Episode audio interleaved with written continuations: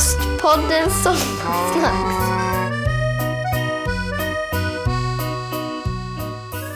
Det här är Ostpoddens sommarsnacks.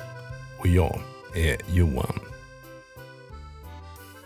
Ja, hörni. Metallica är antagligen precis på gång och ska kliva på scenen på Ullevi, inte allt för långt härifrån.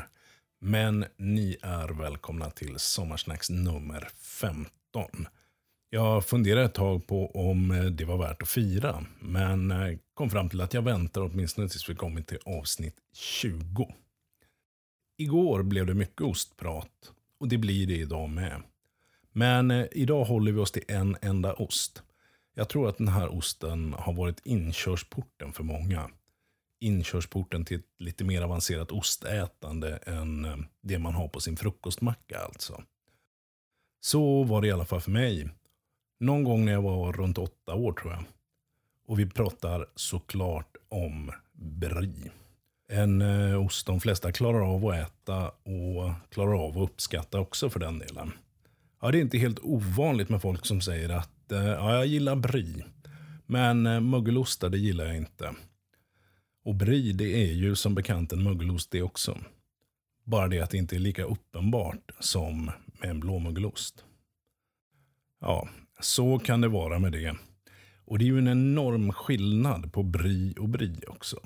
Vi har eh, å ena sidan de industriellt producerade varianterna som sällan smakar särskilt mycket. Men eh, som ofta är rätt billiga. Och man kan göra mycket gott med en sån. Och sen i andra änden av spektrat så har vi BRI som tar för sig något alldeles enormt. Brie du Meaux är väl typexemplet där tycker jag. Den som testat en bra sån vet vad jag menar. Här är det rivigt värre.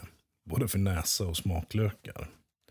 Det här, det är en ost som kräver respekt. Och det är just Brie de vi ska prata lite mer ingående om idag, tänker jag. Brie är, som namnet antyder, en brie-variant. Och de betyder helt enkelt att den kommer ifrån Må. Och Må, ja, det är en liten stad med runt eh, 50 000 invånare. Som eh, ligger drygt fyra mil öster eller lite nordost om Paris. Och från Må kommer en av de två brityper som har en egen skyddad ursprungsbeteckning. Den andra britypen är Brie de Melon. Men det är bara Brie de Meaux som blivit världens bästa ost. Alla kategorier.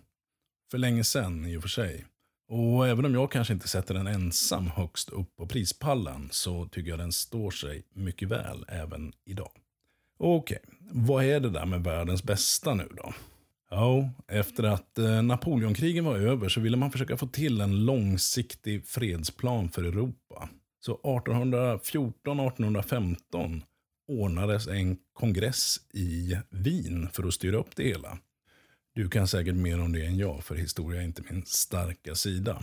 Men så mycket vet jag som att det var representanter från hela Europa där och eh, att man jobbade på att skissa upp nya legitima kungadömen. Och eh, då kom någon givetvis på att man också behövde en kung av ostar. Så eh, England kom med sin Stilton, Schweiz med emmentaler, Holland ställde upp med damer, Italien bjöd på gorgonzola. Enligt uppgift så ska juryn ha varit mycket nöjd överlag. Och eh, vem hade inte varit det om man fått eh, smaka av ett sånt startfält? Men i slutändan stod Brie de Meaux från Frankrike och Meaux som ensam vinnare och utropades till Le Roi de Fromage et le Fromage des Rois. Eller på svenska, kungen av ostar och osten för kungar. Jag antar att man sen eh, åt upp det som var kvar av ostarna och fortsatte rita upp gränser i Europa. Så vid närmare eftertanke så kanske osten inte var världens bästa utan Europas bästa. Å andra sidan kanske det var i Europa vi hade den mest utvecklade ostkulturen på den där tiden. Hur som helst, osten för kungar i alla fall. Och kungen av ostar. Eh, världens bästa eller Europas bästa kan vi väl låta hänga lite i luften då. Och eh, innan vi knyter ihop dagens sommarsnacks. Eh, ett till litet fun fact. Eller hur man nu vill se det. Apropå det här med kungar. För Louis den 16 han hade tydligen redan på sin tid fattat det här med att eh, Brin det var rätt match för en kung. Han flydde ju från upprorsmakarna under franska revolutionen. Smart drag av en kung sannolikt. Ett mindre smart drag det var att insistera på att hela tiden stoppa och äta långa lyxiga middagar. Kanske frukostar och luncher också. För det hela slutade, såklart, med att kungen blev upphunnen. När han satt och smaskade i sig just en brie. Och eh, som du kanske vet blev det sen giljotinen för honom. Get your priorities right, som man säger.